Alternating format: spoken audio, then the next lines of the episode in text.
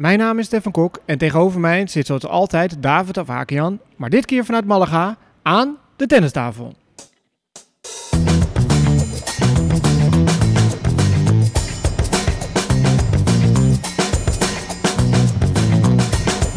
Please take your seats quickly, ladies and gentlemen. Thank you.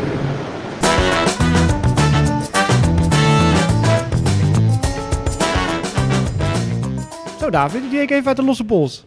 Ja, kan je wel zeggen. En uh, we hebben behoorlijk wat losse polsjes gezien hier al. Veel tennis. En ook wel wat strakke armpjes en stijve armpjes. Ja, maar daar komen zeker, we zo op. Ja, daar komen we zeker zo op. Um, ja, we zitten in Malaga. We zijn er natuurlijk voor de Davis Cup Finals. Uh, jij gaat hem de hele week meemaken. Nou, Nederland kwam uh, gisteren in actie. Dus we zitten nu op de ochtend na ja, de welbesproken avond. Nederland verliest 2-0 van Australië. Ja, de opening was ook het slot voor Nederland. Inderdaad. de eerste wedstrijd. De eerste ontmoeting, de eerste kwartfinale. Ja, het was een open duel. Het had alle kanten op gekund en het valt de verkeerde kant op. Was ook wel de voorspelling van uh, Captain Paul Haarhuis. Uh, ik vroeg hem van, ja, zijn we underdog, zijn we favoriet, is het 50-50? Ja, hij vond wel dat we eigenlijk de underdog waren. Niet enorm, maar het voordeel lag wel iets meer bij Australië. Kijk, als je naar rankings kijkt al. De Minar, de kopman, staat hoger dan uh, Botik. En de nummer twee, wie het ook zou worden, dat was nog even een verrassing tegen Tellen, staat ook iets hoger. Tim van Rijthoven zei zelfs 60-40. In het voordeel? In het voordeel van Nederland. Als hij niet zou spelen? Nou, dat, dat weet ik niet. Gewoon Nederland. Ja, net, het waren gewoon alle duels op zich en de hele ontmoeting was gewoon aan elkaar gewaagd. Dat wisten we van tevoren. Iedereen kan van elkaar winnen. Botik kan zeker van de Minor winnen. Tellen kan zeker van, van Kokinakis winnen en ook van Thompson, waar hij uiteindelijk tegen moest spelen. Had ook moeten winnen. Bij Botik gaat het een stap te ver om te zeggen, die wedstrijd had hij moeten winnen. Maar ja, iets wat 2-0 gewonnen had kunnen worden, eindigt in een 2-0 verlies. We hebben helemaal niet gedubbeld. Dus ja, het is een beetje zuur. Dat was volgens mij ook het, uh, het sleutelwoord aan het einde. Een zuur gevoel werd eraan overgehouden. En ja, dat snap ik. Je was zo dichtbij, maar ook zo ver weg. Ja, want we zeiden tegen elkaar, volgens mij is het voor Nederland een goede loting, Australië, op papier. Maar andersom ook. Ja. Ik denk dat Australiërs ook best blij waren dat Nederland uit de bus kwam. Ja, maar dat gezegd hebben, ze waren super onder de indruk van wat Nederland natuurlijk had neergezet in Glasgow. De Minor zei het zelf ook nog expliciet in zijn persconferentie hoe goed Botik was in eerste instantie, maar ook gewoon wat Nederland had gedaan om, uh, om hier te komen. Dat heeft wel indruk gemaakt bij, bij anderen en bij tegenstanders. Dus ja, vrees voor Nederland zal er niet geweest zijn. Maar wel oppassen geblazen, want als Botik zo speelt zoals hij daar speelde, en dat deed hij eigenlijk ook wel tegen de Minor, grote delen van de wedstrijd. Maar die de Minor in Davis Cup verband is gewoon een soort andere speler. Nou, heel Australië ja, is wel voor Davis Cup. Ook de captain. Ja. Daar zit echt een teamgevoel en een eergevoel. Ja, precies. Ja. Om voor je land uit te komen. Ze zijn ook speciaal in trainingskamp gegaan. Uh, na het Masters 1000 serie toernooi van Parijs. Een paar dagen vrij. Dan een trainingskamp belegd. Waar ze met z'n allen dus samen waren. Ja, Kokinaki speelde nog uit de P-finals in het dubbelspel. Terwijl Nederland, ja, de jongens gingen op vakantie. Goed recht. Naar Thailand bijvoorbeeld. Of Bali. Mm -hmm. Komen terug. Een paar dagen voor de finals. Trainen op het NTC en dan hier naartoe. Ja, het was de keuze. Hè? Gaan we fris daarheen? Zijn we niet uitgeblust, maar hebben we een soort leeg hoofd en kunnen we er tegenaan met z'n allen? Of train je door? Wat de Australiërs ook niet helemaal hadden gedaan. Hè? Wel een trainingskamp, maar daarvoor ook wel wat vrijgenomen. Want ja, je, je kan niet, helemaal niet vrijnemen. De keuze werd er gewoon voor gemaakt om misschien iets minder getraind, iets minder vast die wedstrijden te spelen, maar wel fris in het hoofd. In tegenstelling tot met een halve burn-out daar op de baan staan, maar misschien wel veel ballen geslagen. Ja, maar wat ik niet begrijp, en ik ben geen topspeler of ex-topspeler, maar je hoort ze vaak zeggen: ja, we zijn al 30 weken per jaar op reis en in het buitenland. Dan heb je even vrij en dan ga je 10 dagen naar Thailand of naar Bali. Dat is een pokken en vliegen. Je hebt tijdverschil, je hebt klimaatverschil, je hebt van alles. En dan kom je weer terug hier naar Europa. Dan denk ik, ja, blijf dan thuis. Geniet van je familie en vrienden. Als je al zoveel op reis bent en dat zo zwaar vindt. Of ga naar, weet ik veel, hier, Zuid-Europa. Het is prachtig weer. Nou, misschien leren ze daarvan, hè? Zoals ze het hele jaar al leren. Van uh, het leven op de tour, het leven, het plannen vooral, de kalender. Ja, zoals je net zegt, als je zo'n verre reis maakt, dan ben je al twee dagen kwijt aan het reizen alleen. En ze zijn zo zuinig op die rustdagen. En ja, ik vraag me af of je zo'n reisdag als rustdag kan tellen. Volgens mij niet. Moet je alleen maar gestrest van. Dus ja, wellicht dat volgend jaar dat ook anders zal zijn. Ja. En maar goed, ze speelden Davis Cup. Als je gewoon niet deze Davis Cup Finals speelt, dan is het probleem opgelost. Dus het is nog maar de vraag of ze volgend jaar dit probleem ook weer hebben. Ja, het is een heerlijk probleem om ja, te hebben een luxe natuurlijk, probleem. wat dat betreft. Uh, maar het seizoen duurt eindeloos lang. En Tellen had zoiets van, ja, misschien is het eigenlijk wel de Davis Cup Finals het begin van het nieuwe seizoen. Ja, Maar goed, dat wilde hij graag. dat wilde hij ja. graag, maar hij verloor. Daar gaan we zo even wat dieper op in. En dan zeiden we, nou, laten we deze verliespartij maar eventjes dan schaden bij het seizoen wat geweest is. Mhm. Dan kan hij dat afsluiten. Ja, dat was niet wat hij ervan verwacht had. Dat ook helemaal niet gehoeven. Laten we maar meteen die wedstrijd eh, dan pakken. Hij speelde helemaal niet geweldig. Het hoeft ook helemaal niet. Want ja, de Thompson hoef je niet eh, boven jezelf uit te stijgen om die te verslaan. Nou ja, dat was eigenlijk al een verrassing dat Thompson zou spelen. Ja, eh, Kyrgios was nog heel lang Ja. boven de markt. Eh, nou, vorige week werd dan bekend dat Thompson als vijfde speler werd toegevoegd. Hij stond Mhm. nog niet op het formulier. Maar wij gingen allemaal een beetje vanuit dat Kokkinakis zou spelen. ja, maar die bleek dus niet fit te zijn. Of die bleek ook heel weinig getraind te hebben hier in Malaga. En, ja, goed, dat wordt goed in de gaten gehouden altijd door, eh, door de teams. Dus op het, de dag zelf waren ze niet super verbaasd meer dat dit eh, op het formulier kwam te staan. Omdat ze hadden gezien dat hij ja, dus een hele aparte manier van voorbereiden had. En dat andere jongens veel meer uren maakten dan hij. Maar ja, eenmaal in die wedstrijd tegen Thompson was hij gewoon de betere. Hij had de meeste kansen. Hij, hij is gewoon de betere speler. Zoals jij ook in die persconferentie achteraf zei. Al jouw slagen in feite zijn beter dan al zijn slagen, maar toch verlies je.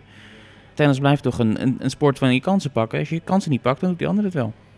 Ja, de eerste anderhalve set, wij keken elkaar aan van... nou, dit gaat Tellen nooit van zijn leven verliezen. Nee, had hij ook geen rekening mee gehouden, zei hij zelf. Hè? Zelfs na het verliezen van de tweede set had hij niet verwacht dat hij dit kon verliezen.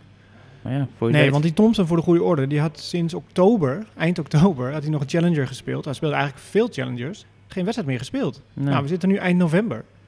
Dus Ja, die ook niet in ja, de beste nee. vorm, zeg maar. Nou, en we zagen een paar voorhand afzwaaiers. Dat ik denk van, heen, hemel, hoe kan je top 100 halen met zo'n voorhand? Ja, Kijk, hij heeft natuurlijk veel beter gepresteerd. Hij is nog finalist geweest, Libema Open, eh, drie jaar geleden.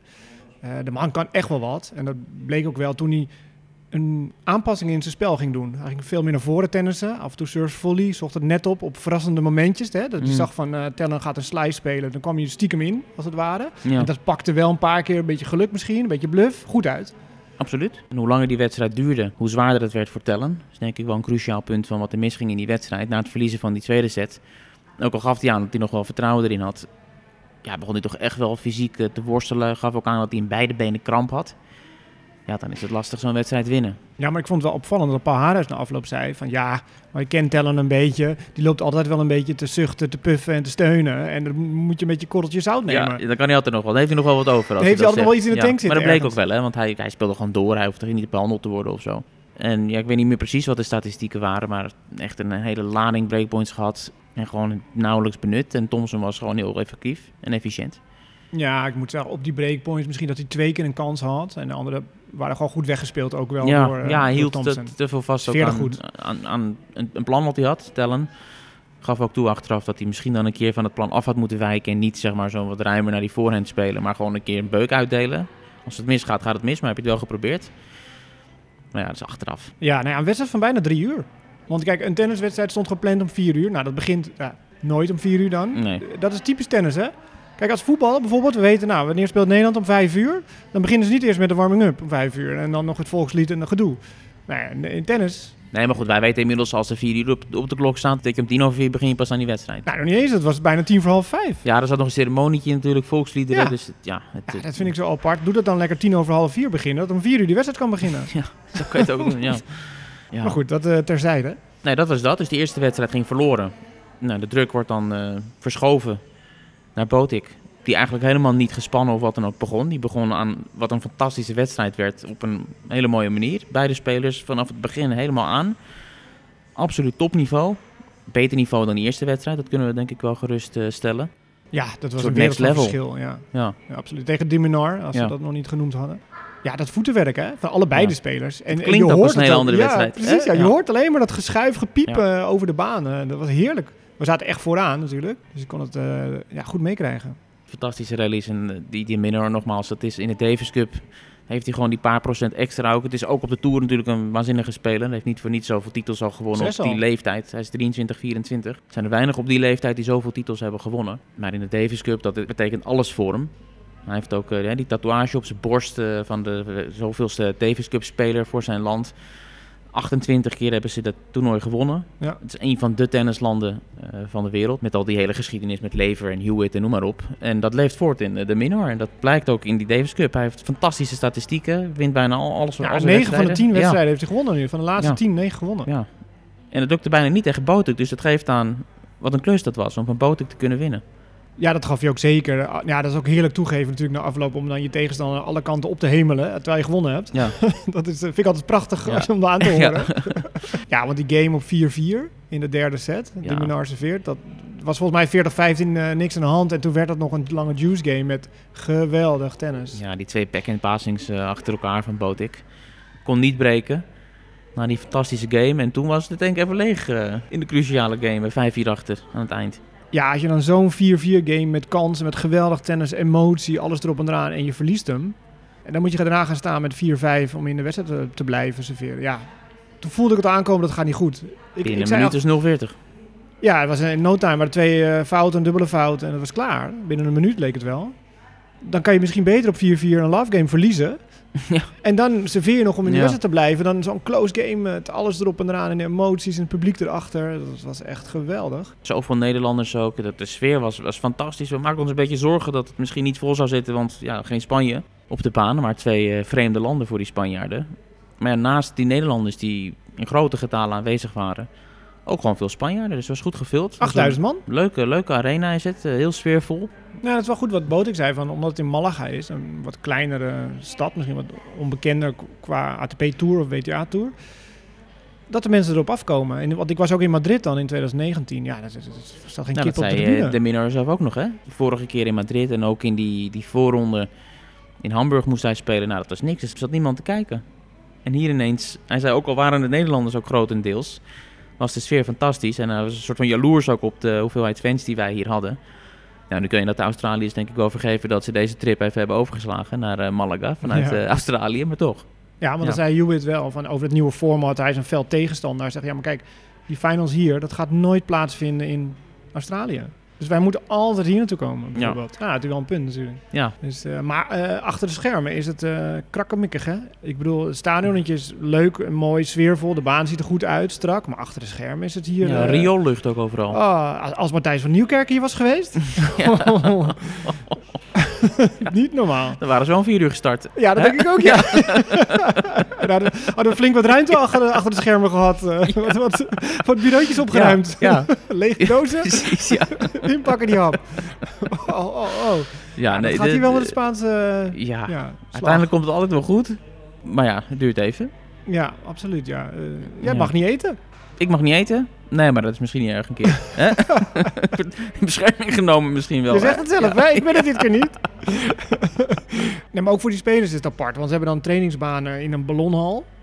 Nou, ik, Ja, dat precies. kennen we van Nederland wel. Maar dat is een hele andere dynamiek natuurlijk om te tennis in een ballonhal. en In een vaste indoorbaan. Andere baansoort ook. ander- Ze moeten buitenom vanuit hun spelersgebied door de fans buitenom naar het stadionnetje. Ja. Dat soort dingetjes allemaal, waar het best wel tochtig is. Flinke wind. Eigenlijk onwaardig voor, voor zo'n mooi evenement. Wat als Nadal hier was geweest en die krijgt dan te horen, ja, er zijn twee trainingsbaantjes. Die heb je dan een, twee uurtjes op een dag. Die moet je delen met zeven andere landen. Ja. En je hebt een anderhalf uur op eh centenkort. En de dag voor, voor je wedstrijd mag je niet op centenkort trainen. Misschien wist hij het van tevoren al. Ik denk, kom niet. Nee. Nou ja, hij is wel bezig hè trouwens. Om maar meteen een zijpad eh, in te slaan. Hij is eh, met Casper Ruud eh, in Zuid-Amerika. Geld ophalen. Oh ja. Exhibition Tour. In plaats van Davis Cup spelen. Nou ja, goed, dat is... eh, Ja, eh, kinderopvang is duur in Spanje. ja, Moet aan de bak. die moet eh, wat centjes eh, ophalen daar. Eh, maar hij is er niet bij, Alcaraz is er ook niet bij. Dus ik ben benieuwd hoe dat publiek hier erop gaat reageren. Dat gaan we de komende dagen en eh, vandaag, na deze opname, gaan we dat zien. Spanje tegen Kroatië. Maar Nederland zien we niet meer terug. Nee, het is wel wrang inderdaad. Nederland versloeg Canada. Doet hier mee. Ja. Nederland won van Amerika. Gaat hier straks spelen. Canada die via de achterdeur nog binnenkwam omdat Rusland niet mee mocht doen. En Nederland won dus van Canada dat met een C-team op kwam eh, draven. Ja. En is hier nu misschien wel het sterkste team. Ja. Met Felix en Chapo. Nou ja, goed. Nederland was dichtbij. wat was het 2001 voor de keer, eh, laatste Ja. keer, halve finale. Ja, was echt wel dichtbij.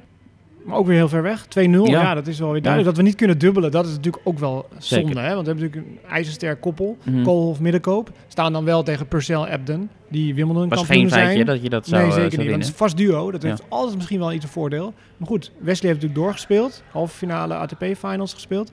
Hadden we er ook wel weer graag willen zien. Zeker. Alhoewel, het was wel half twaalf of zo. Het was, Ja, het. nou het was ja. flink laat. Ja, maakt jou allemaal niet uit. Nee. Maar ik vond het wel laat. hoor.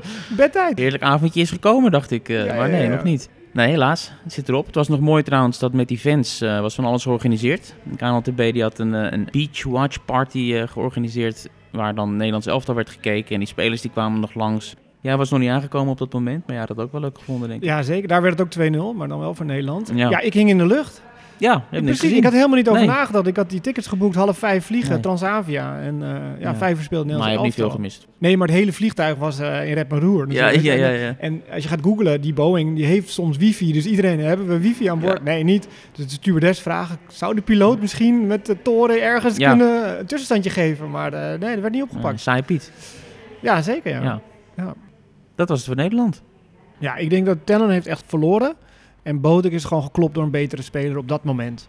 En Botek heeft gewoon zijn niveau gehaald. Hij heeft zijn niveau gehaald. Maar hij zei wel, dat was nog wel een mooie uitspraak in een interview ehm, met mij voor Ziggo. Zei hij, er is een reden denk ik dat hij staat waar hij staat op de ranglijst. En ik sta waar ik sta op de ranglijst. Ja, die kleine puntjes, dingetjes die dan vallen. Zijn klasse, zei hij. Ja, kijk, we hebben natuurlijk over die slagen van Boting zijn fantastisch en powerful. En hij kan uit alle hoeken kan hij iets doen. Maar er komt zoveel meer bij kijken dus, hè. Dat wel eens vergeten of zo, weet je. Tuurlijk, hij kan fantastisch tennissen. Maar er hoort ook inderdaad mindset bij. En de juiste dingen doen, keuzes maken. Je voetenwerk aan de gang blijven. Want dat gepiep van die schoenen, dat was de eerste set meer aanwezig dan bijvoorbeeld Ja, het begin ja, ja. van de tweede set. Dat hij toch een beetje, zei hij ook, sloppy had hij het over. Begon een beetje afwachtend. Ja, meteen breek achter. Weet je, dat zijn toch key moments in de, in de wedstrijd dan. Ja. ja, in Haarhuis helemaal aan het einde. Toen ik hem vroeg, wat is dan het verschil? Is er een tennistechnische reden? Of is het gewoon domme pech, omdat het allemaal zo close was? En toen zei hij wel, nee, dit is wel een combinatie van, van ja, wat tennis. Het is een combinatie ook van lef. En ook van, van pech en van toeval en van een beetje geluk en geen geluk. Dat is wel een mix. Ja, nou, hij zei ook wel, dat is ook wel een beetje de fase waarin Tellen zit eigenlijk. Hè? Dus het typeert ook wel zijn seizoen. Kansrijk, dat gaat er knagen natuurlijk. Dus ik denk dat hij dat seizoen opgebouwd heeft. Dat kwam in uiting in deze wedstrijd. Want hij was echt veel beter dan Thompson. Maar het is wel interessant. Want Nederland is enerzijds bij de laatste acht van de wereld. Het is op zich wel vreemd dat Nederland erbij zit. Het is maar de vraag of je dit elk jaar kan herhalen. Aan de andere kant, al onze spelers stuk voor stuk kunnen volgens mij nog beter. Botik die heeft zijn plafond nog niet bereikt, Tellen ook niet. Tim van Rijthoven kan ook nog beter. En Wesley die is net nummer 1. Die kan niet beter. Die, die kan niet beter. Maar ja, goed, die, die, die kan zich echt gaan vestigen als de man in het dubbelspel. Dus ja, waarom niet eh, volgend jaar weer? Nou ja, dan moeten ze in februari in ieder geval eh, zien af te rekenen met... Ja, de loting is er niet. Ja, maar, weten we eh, niet, maar- volgende week. Uit of thuis. Dat maakt eh, ook een verschil. Tenminste, als we het kunnen organiseren. Want Ja. dat is ook nog de vraag. Daar het Billie Jean King Cup debakel. Ja, Ehm, dus ja, ik denk wel dat ze snakken naar, we willen dit nog een keer doen. Hè, we hebben twee keer dan de finals meegemaakt. Nog geen pot gewonnen. 2019 niet. Toen was het nog een poolfase in Madrid. En nu dan wel kwartfinale. Final 8. We gaan door zonder Nederland. Ja, Spanje kijken. Spanje-Kroatië. De- die neemt het dan op tegen Australië in de halve finale. Italië, Musetti, altijd leuk om te zien. maar ook niet, niet Spanje volle zonder. Alcaraz. Dus ja. Nee, dat zie je wel. Ja, eigenlijk geen één land. Misschien Canada, wat je Ja, zei. hang- daar hangen zoveel posters ook rond Ja, met allemaal hoofden die die, er niet helemaal niet zijn. Nee. nee, Kyrgios, Alcaraz, Berrettini, die zijn allemaal op de posters overal, maar ze zijn er niet. Nee, ja, klopt. Nee. Ja, inderdaad. Ja. Nee. Nou goed, vertel eens over de stad eh, Malaga. De stad. Malaga. Nou, ik heb nog niet zo heel veel eh, Nee, gezien. Ik ook niet. Nou ja, die beachclub dan. Ik ben even naar het centrum geweest wel, om, eh, om te eten de eerste dag. Oh ja, tuurlijk, ja. Super, super gezellig. die calamari rings, als je toch aan het strand bent, hè. Gewoon een mooie stad. Uitgaansleven is volgens mij eh, bruisend. Je kan geen stap zetten of je wordt een club ingesleurd. Of je krijgt een folder in je handen gedrukt van hier en hier moet je zijn. eh, En hier heb je een kortingsbon voor een drankje, weet ik veel wat allemaal. Ja, we werden uitgenodigd hè, door de Spaanse VVV om een eh, tour door de stad eh, te maken. Maar ik heb hem maar eh, vriendelijk afgeslagen. Oké, P-woord. schande. Ik heb heerlijk gespeeld eventjes. Maar eh, overal padelbanen hier. Dit valt me dan wel op. Zit ik in de taxi. Echt eh, links en rechts. het is een padelland natuurlijk. Ja. Ja. Bij uitstek, absoluut. Maar goed, daar gaan we niet verder, eh, Nee, zullen we publiek niet. verder over Nee. Finals? Ja, finals. Eh, Ja, het is ook finals, maar dan de ATP-finals. Joko haalt weer eh, huis. Wie het laatst lacht, lacht het best. Ja, niet te geloven wat het seizoen hij eigenlijk heeft. Hè. Hoeveel toernooi heeft hij gewonnen? Vijf. Vijf. Terwijl hij ja, heel veel niet mee heeft kunnen doen. Hij heeft twee van de vier Grand Slams en vier van de acht Masters toernooien niet eh, gespeeld. Vijf van de wereld Hij eindigt vijfde. Ja, daarom. Met zo'n Ja, seizoen. ongekend. Dus als hij verschijnt, is het gewoon grandioos. Ja, hij is gewoon de beste. Hij was ook wel een beetje getergd, vond je niet? Snap in die ik, ja. ATP-finals. Ja, hij wilde dat per se winnen, ja. Ja. ja. Ik denk dat hij zich echt dood heeft geërgerd aan het niet winnen van Parijs. Dat hij daar van Roen, dat, ja, die wedstrijd, eh, dat hij dat had verloren. Dat stond niet in het draaiboek. Ja. Is keihard teruggeslagen op de finals. Geen wedstrijd verloren. Eén set slechts eh, afgestaan. En Wel dat- veel tiebreaks. wel veel tiebreaks, Ja. maar ja, Nou, Mr. prima. Tiebreak, Ja, nee, Djokovic. prima. En eh, ja, hij wint die titel. Zesde. Even na het Federer qua ATP Finals titels. En hij pakt een recordbedrag van 4,7 miljoen dollar. Ja, is lekker hoor. Ja, Casper Ruud in de finale verliest eigenlijk weer een grote finale. Hij heeft natuurlijk een geweldig seizoen. Roland Garros finale, US Open finale, Masters, Miami. Ja, Masters 1000 finale, hier de finale. ATP ja. finale. Ja, Mr. Finalist. Ja, hij heeft drie ATP 250 titels gewonnen. Ja, de rest een heleboel finales eh, bij de grotere toernooien eh, verloren. genoeg spelers die met hem willen ruilen. Ja, absoluut. absoluut. Ehm, verloor wel een wedstrijdje dan van Nadal. Toen was hij al gekwalificeerd. Mhm. Gunde Nadal misschien daar eh, een potje? Ja, Nee, nee, dat is nee, dat is onzin. Maar is het, hij traint wel bij Nadal. Toch? Ja. Bij de Academy. Ja, ja. Dus dat is ook altijd een aparte dynamiek dan. Ja, en ze zijn nu op tournee samen. Dus die zijn wel close. Wat ik ook een aparte dynamiek vond, is dat oom Tony zat bij Felix op het bankje, terwijl hij tegen Nadal speelde. Mhm. En won, Felix natuurlijk. Ja, ik vond het wel apart. Ja. Zag je ook achter de schermen die beelden en Ja, zo? bedrukte gezichten. Ja, maar goed, Ja. eh, het is Djokovic week. Eh, alle kinderen erbij. Maar had wel dat hele rare moment, of die meerdere momenten in die wedstrijd tegen Medvedev. Wedstrijd die eigenlijk nergens meer om ging. Ja, volle bak prijzengeld misschien. En voor de punten, 200 punten. Maar hij was al gekwalificeerd voor de halve finale op dat moment. En hij, hij verloor de controle over zijn lichaam helemaal. We hebben wel eens vaker gezien dat hij dan een beetje uit balans raakt. Maar hij leunde zo voorover. Hij was totaal uit balans. Viel een paar keer bijna om. Het trilde. Typisch Djokovic dan, dat hij daar dan doorheen gaat. En die wedstrijd alsnog wist te winnen. Maar een bizar moment was dat. Het was drie uur wedstrijd, hè? Ja, Ruim drie uur. bijzonder. Mhm. Nou, met Vitef 0-3. Ja, drie de keer derde set eh, break. Rublev halve finalist, nog Frits was nog halve finalist. En dan eh, Djokovic en Ruud. Nou, het was een interessant toernooi. De baas die, eh, die wint. Uiteindelijk, ja. ja, ik kijk echt uh, rijkhalsend uit naar het volgende seizoen. Want je hebt Djokovic die zo speelt. Die ook weer in Australië mee mag doen. Je hebt dan Alcaraz en je hebt Nadal die aangeeft dat hij zijn leven gaat geven om volgend jaar goed te spelen. Hij gaat helemaal kapot, zegt hij, als ik maar volgend jaar goed weer sta te spelen. Wordt fantastisch, want wie is de beste speler? Zeg het maar. Is het Djokovic? Is het Alcaraz? Is het Nadal? Wie, wie is de man? Ja, dat wordt Djokovic. Dat denk ik ook. Want ja, Maar- hij heeft natuurlijk niet heel veel punten op toernooi gespeeld. Dus Mm, hij kan ja, nog wel wat kan eh, zeker. inafslag maken. Hij In Australië, ja, dat kan je wel vast noteren. Ja, Natuurlijk. Als hij, ja, hij mag nu op dit moment meedoen. ja. Eh, hij zou drie jaar geschorst zijn, of moet je het zeggen, dat hij het land niet Ja, mocht. dat maar dat, eh, ja, dat is ingetrokken. Eh, er zijn geen COVID-maatregelen op dit moment. Maar goed, dat kan natuurlijk veranderen. Hij blijft ongevaccineerd.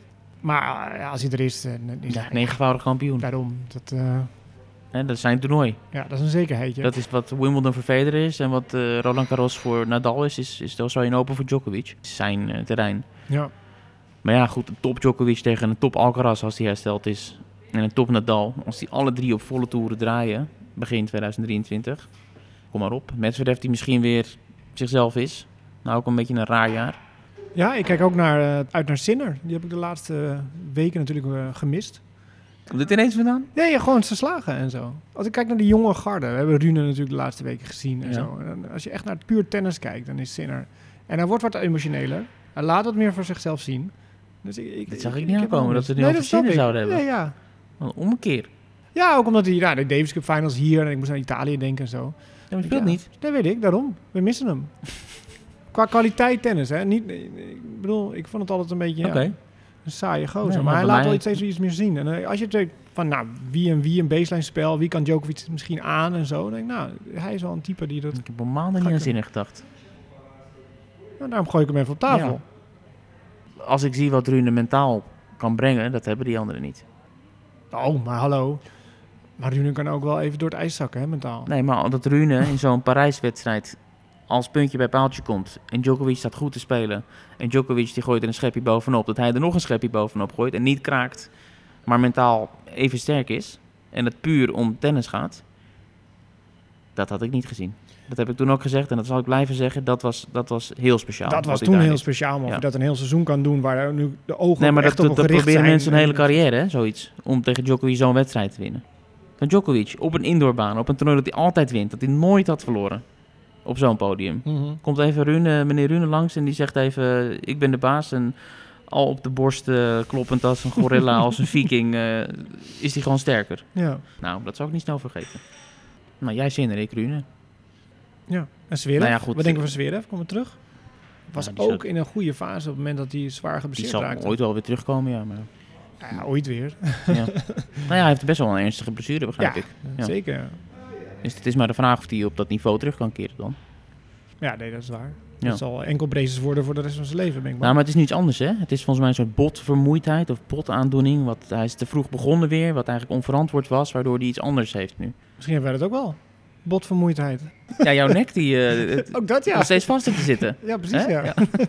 Ik word er moe van. Uh-oh, ja. Nee, dus jij kan niet meer achterom kijken. Ik kan alleen maar vooruit. Hè? Zo is het. Heerlijk. Dat doen we graag bij de tennistafel. Ja, maar er zijn heel veel mensen die mij toch wel met mijn uitspraken nog wil confronteren. Dus ik, eh, Oh, ik kan er toch niet omheen. Ja. dat ik het heel vaak mis heb. oké. Ehm Wimbledon nieuws, had je dat meegekregen? Eh, natuurlijk altijd in wit. Maar de Oh. dames mogen nu eh, ook een andere kleur eh, ja, ondergoed aan.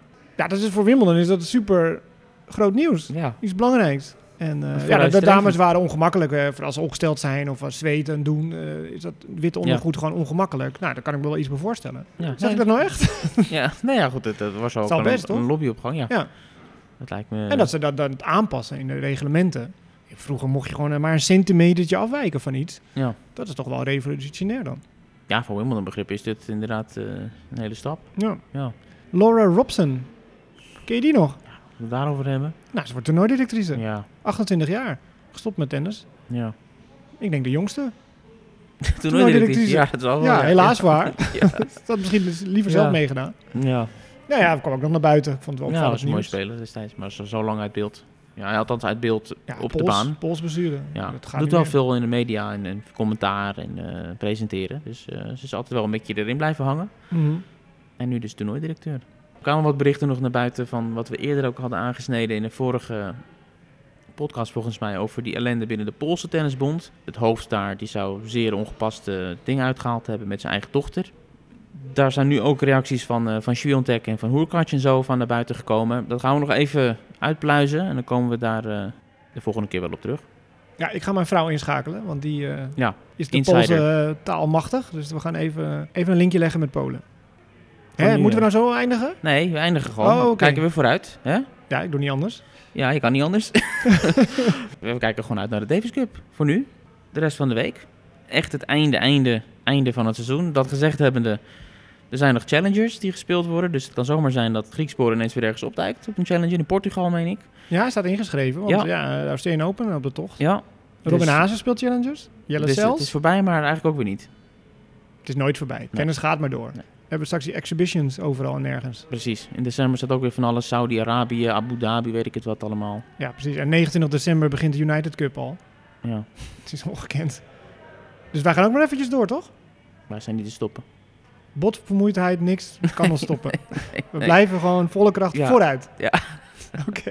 Nou David, ik wens jou heel veel eh, plezier en succes nog in Malaga. Ja, want ja, jij gaat eh, interviews maken. Want eh, de Nederlanders eruit, maar alle andere spelers ga je nog wel even flink ondervragen. Ja, heel met, eh, niet met de groene microfoon, maar met de oranje. Je wisselt hem in.